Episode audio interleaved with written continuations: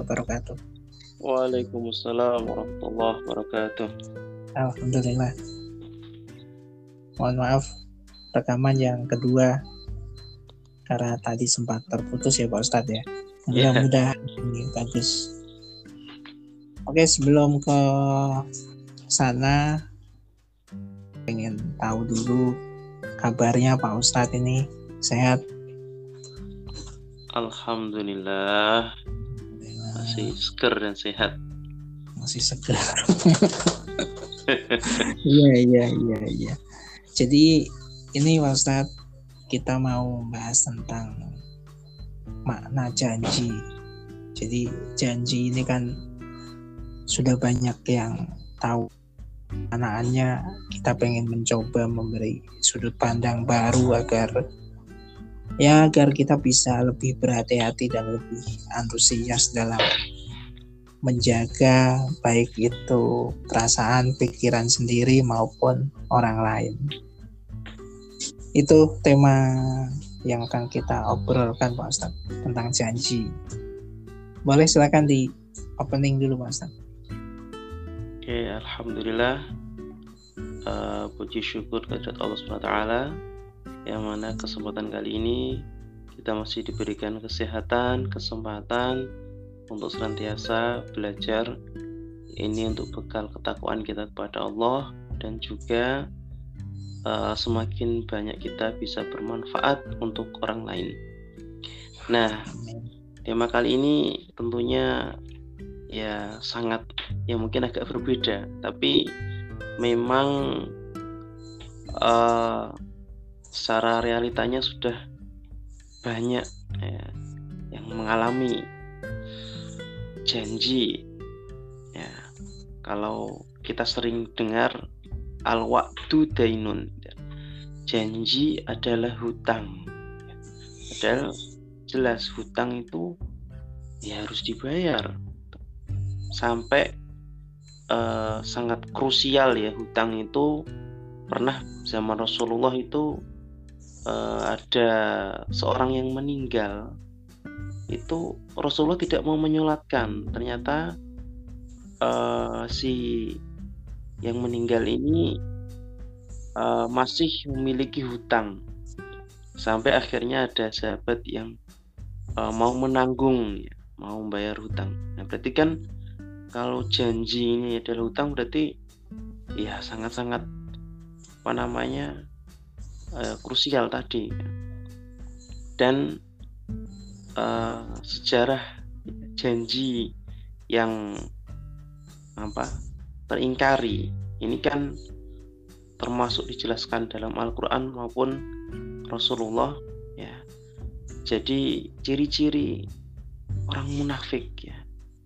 Kita tahu sendiri orang munafik itu posisinya dia di tengah-tengah kalau kanan itu mukmin ya. Kalau kiri itu kafir ya jelas. Ya. Munafik ini tengah-tengah.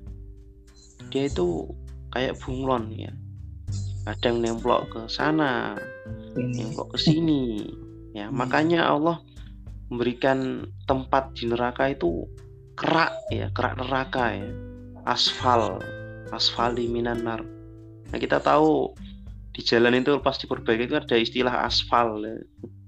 aspal Ya, dia karena ini berbahayanya gitu munafik itu ya termasuk ciri-cirinya itu kalau dia berjanji itu diingkari.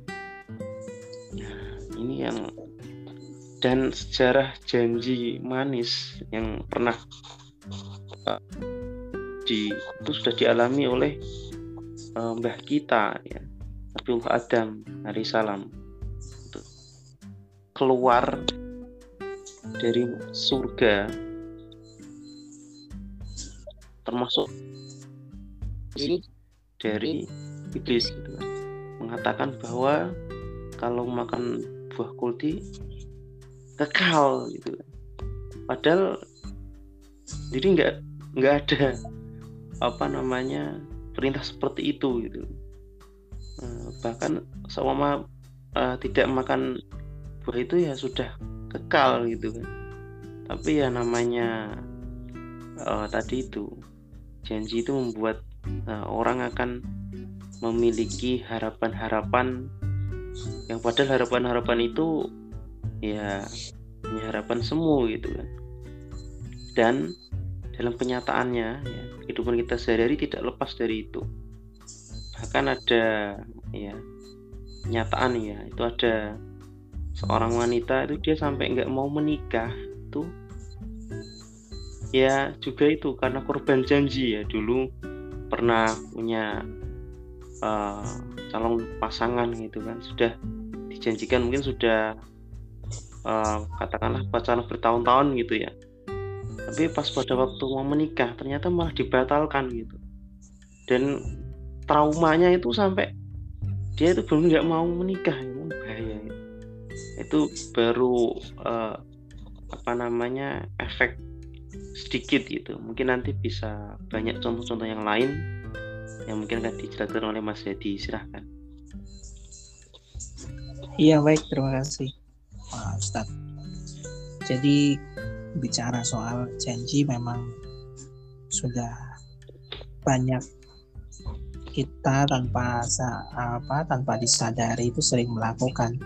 Baik itu janji ke lingkungan kecil ke diri sendiri ke keluarga ke orang lain misalnya. Nah cuman kita agak lupa. Ya karena kadang-kadang kita ingat tapi nggak mau uh, eksekusi atau action untuk merubah. Jadi kan kita nyebutnya agak lupa agak lupanya begini bahwa pada dasarnya orang yang tangguh orang yang tadinya sehat orang yang tadinya kuat ketika kena hujan kena panas orangnya tapi ketika um, dalam satu titik dijanjikan oleh orang akan diberikan payung misalnya akhirnya orang itu mengalami pelemahan pelemahan misalnya kena hujan airnya sakit airnya malas ketika panas karena berharap atas janji yang mungkin orang yang telah memberikan janji ini lupa karena kesibukan karena macam-macam yang jelas lupa dan ketika orang itu mau memperbaiki ternyata sudah terlambat. Nah, tentu hal ini nggak ingin kita alami karena berdasar kajian banyak yang sudah meneliti bahwa kita itu jangan terlalu fokus pada janji manusia. Nah ini ini bukan sekedar teori. Memang kalau kita fokus dengan janji-janji orang lain, yang ada kita akan lemah. Misalnya gini, mungkin uh, saya pernah mengalami ketika saya ingin mengirimkan paket karena saya usahanya online shop waktu itu saya dijanjikan oleh kurir jam 11 akan diambil.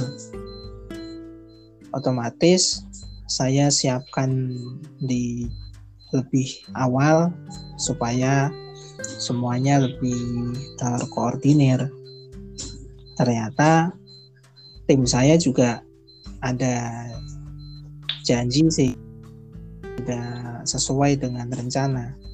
Kurir akhirnya molor juga uh, datangnya nggak sesuai dengan jam dengan waktu rasa jengkel, rasa malas, rasa apa rasa segala sesuatu yang muncul pada pikiran saya itu sehingga saya mem, uh, menjadi orang yang dalam sehari itu benar-benar nggak bisa produktif, nulis nggak fokus, melayani customer uring-uringan, makan malas, akhirnya perut sakit dan lain-lain banyak sekali kendala. Padahal sebelumnya ini kendala makan tepat, uh, segala sesuatu uh, saya bisa menjalani dengan enjoy meskipun ada tantangan-tantangan yang lain.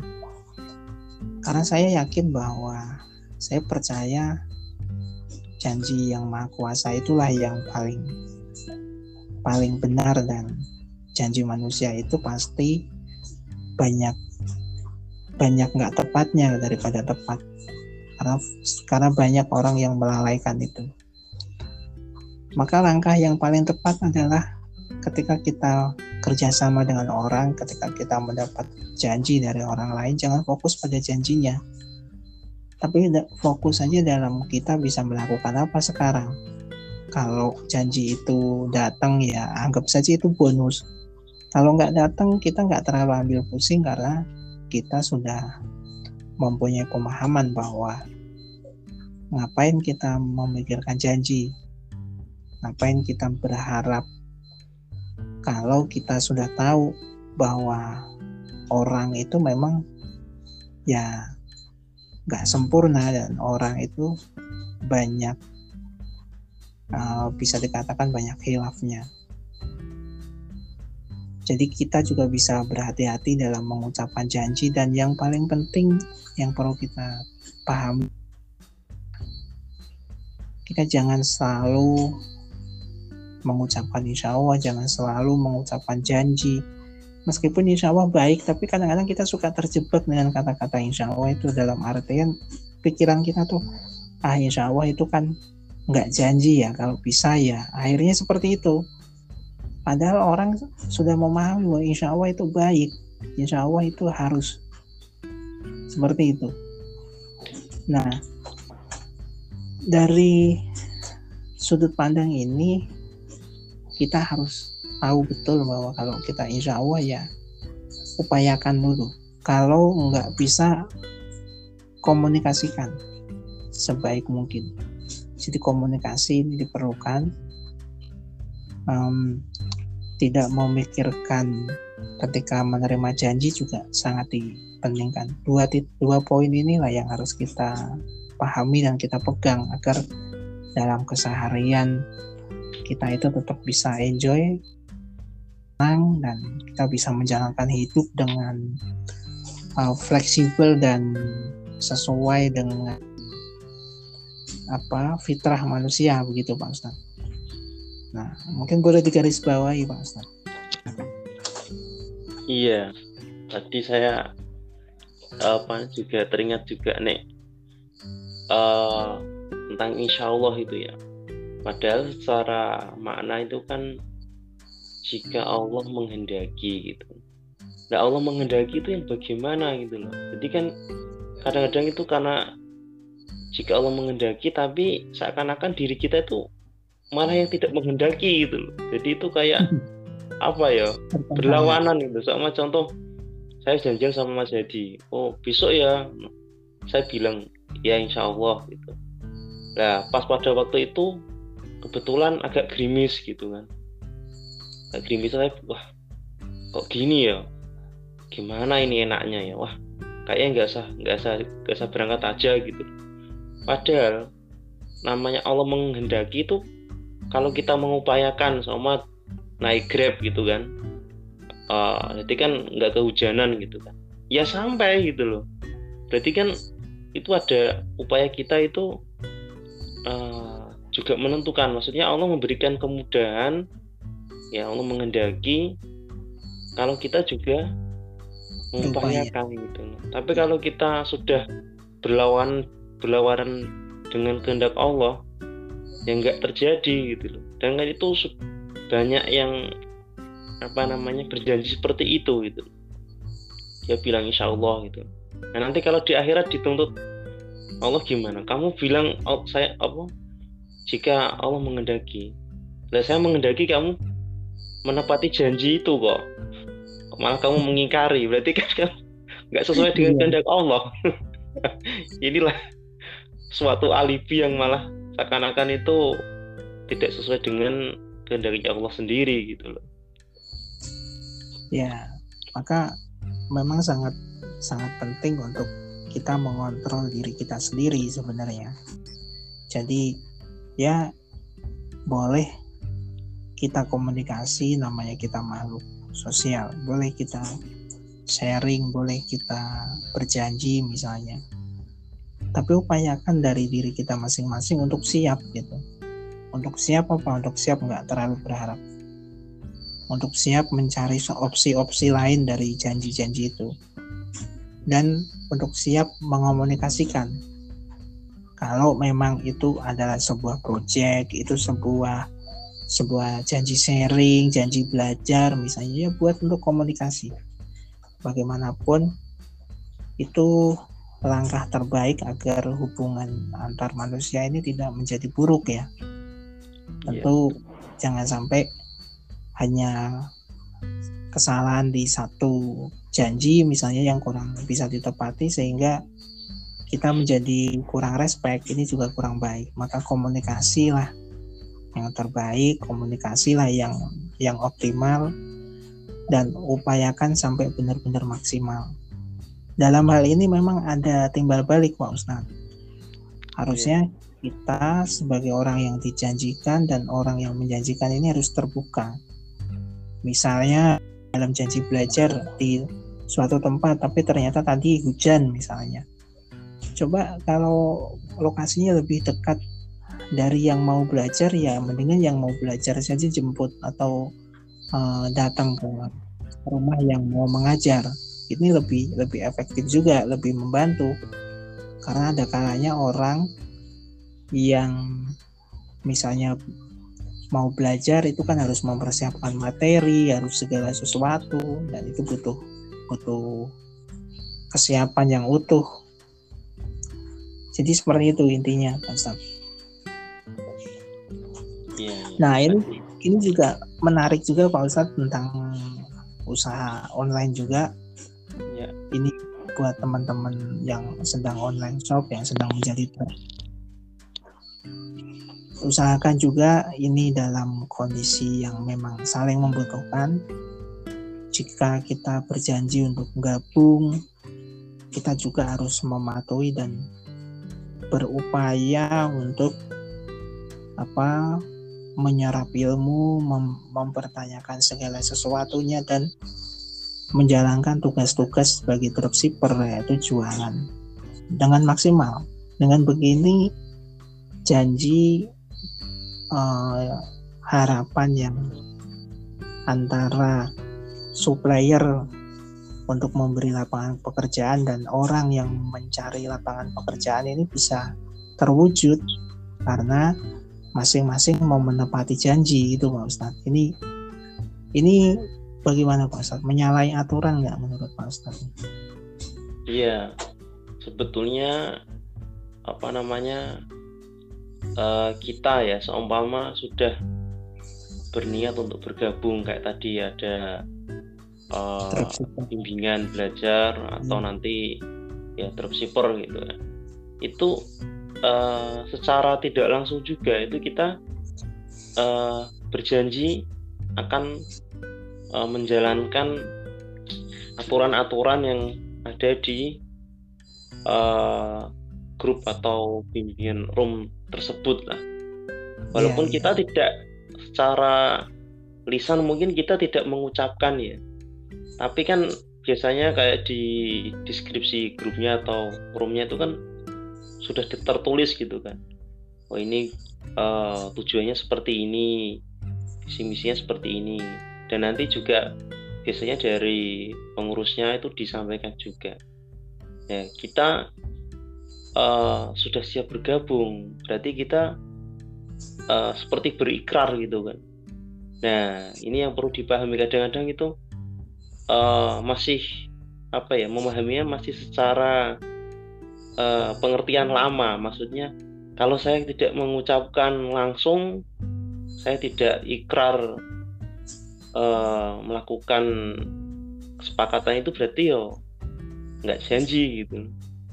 Padahal nggak seperti itu karena perkembangan apa ya sama uh, kehidupan seperti teknologi dan lain ini kan semakin berkembang gitu loh. Masa kita masih menggunakan pemahaman yang lama gitu kan? Iya.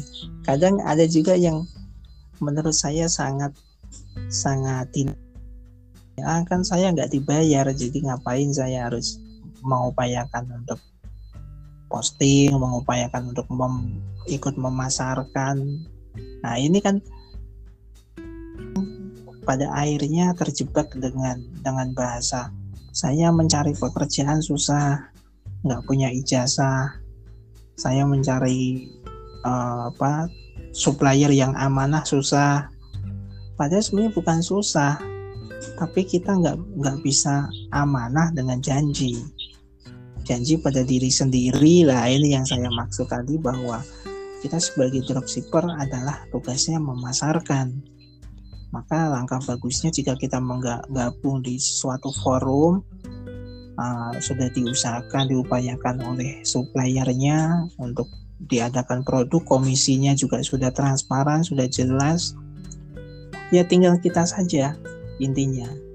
Kalau supplier malahan mungkin dia jualan sendiri. Saya sudah untung sebenarnya tapi kenapa masih membuka open reseller menyediakan forum untuk bimbingan ya karena memang mereka sadar bahwa manusia saling melengkapi dan uh, harapan harapan untuk mendapatkan dapat penghasilan itu kan bisa terwujud kalau simbiosis mutualisme saling menguntungkan antara supplier dibantu untuk menjualkan produknya si dropshipper dibantu untuk mendapatkan komisi dan dikasih marketing kitnya atau bahan-bahan untuk promosi sehingga terjadilah transaksi, terjadilah closing, terjadi di sana ada penghasilan yang ada nominalnya yang mungkin bisa membantu uh, diri supplier, diri customer dan dropshipper beserta keluarganya kan seperti itu ya Pak Ustadz. Iya, sebetulnya itu kan suatu kemudahan yang menurut saya itu sangat-sangat bagus dan membantu gitu loh. Kalau kita mengingat dulu pada waktu teknologi belum canggih itu kan, itu mendapatkan komisi sekian itu kan udah sulit itu. Soalnya contoh katakanlah buruh cuci atau apa gitu ya itu sudah hmm. capek gitu mas tapi ya dapatnya nggak banyak gitu dan itu harus apa namanya uh, memang terjun langsung uh, dan benar-benar berkeringat sampai meruntus gitu kan. Nah hmm. ini yang apa dropshipper yang kita ibaratnya nggak harus nyetok barang gitu. Apalagi dimudahkan sudah bisa apa COD gitu. Jadi kita itu sudah ibaratnya lebih dienakan gitu loh. Panas nggak kepanasan gitu kan hujan nggak kehujanan. Tinggal ya apa kuotanya bagus jaringannya bagus dan kemauannya memang uh, tinggi gitu. Nah itu nah itu mungkin untuk apa namanya evaluasi atau mungkin kalau kita pas uh, tadi belum bisa menempati janji nah itu bisa untuk bahan perenungan gitu ya.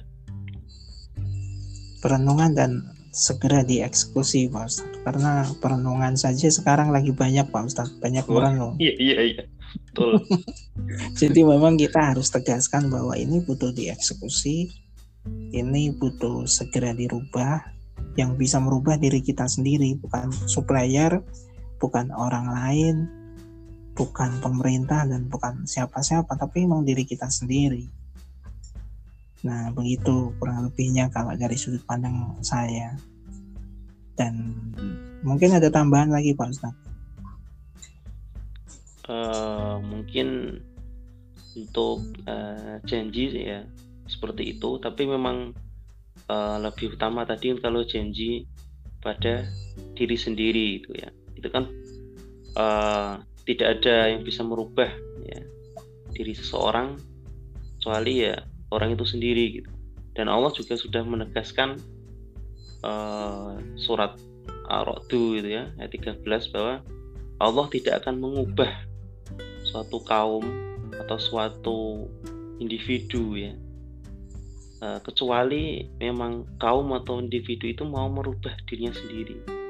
Artinya kalau dia sudah berjanji ingin melakukan perubahan apalagi ini masih di awal-awal tahun ya mungkin punya program-program yang dia inginnya lebih maju inginnya lebih berkembang yang uh, bagus lah gitu. Terutama dalam karir gitu atau bisnis gitu. Nah berarti setelah tadi ada perenungan ya actionnya yang dibanyakkan gitu kan. Kalau sudah oh, hari ini posting sudah ada apa produknya sudah siap ya posting jangan ditunda-tunda wah kan 24 jam gitu sama pagi ini uh, belum posting kan bisa nanti siang. Kalau siang belum bisa kan nanti bisa malam gitu.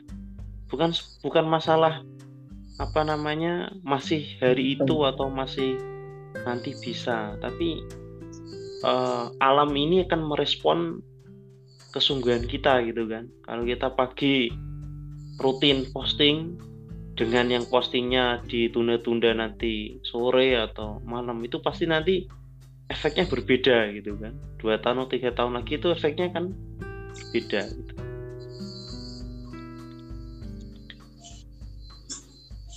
Iya begitu jadi harapannya kita bersama jadi paham dan akan segera tahu dan jika ingin mendapatkan hasil upayakanlah untuk maksimal gitu ya Pak Ustadz ya. Ya betul sekali. Oke mungkin kita uh, cukupkan ya Pak Ustadz diskusinya.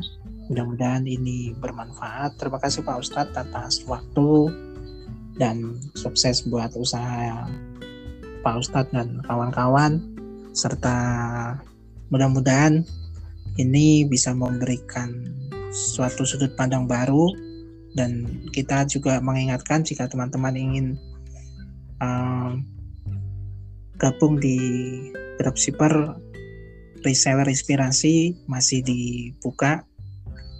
Dan nanti untuk kontak persennya bisa menghubungi uh, forum edukasi sehat network. Itu terima kasih. Assalamualaikum warahmatullahi wabarakatuh. Waalaikumsalam warahmatullahi wabarakatuh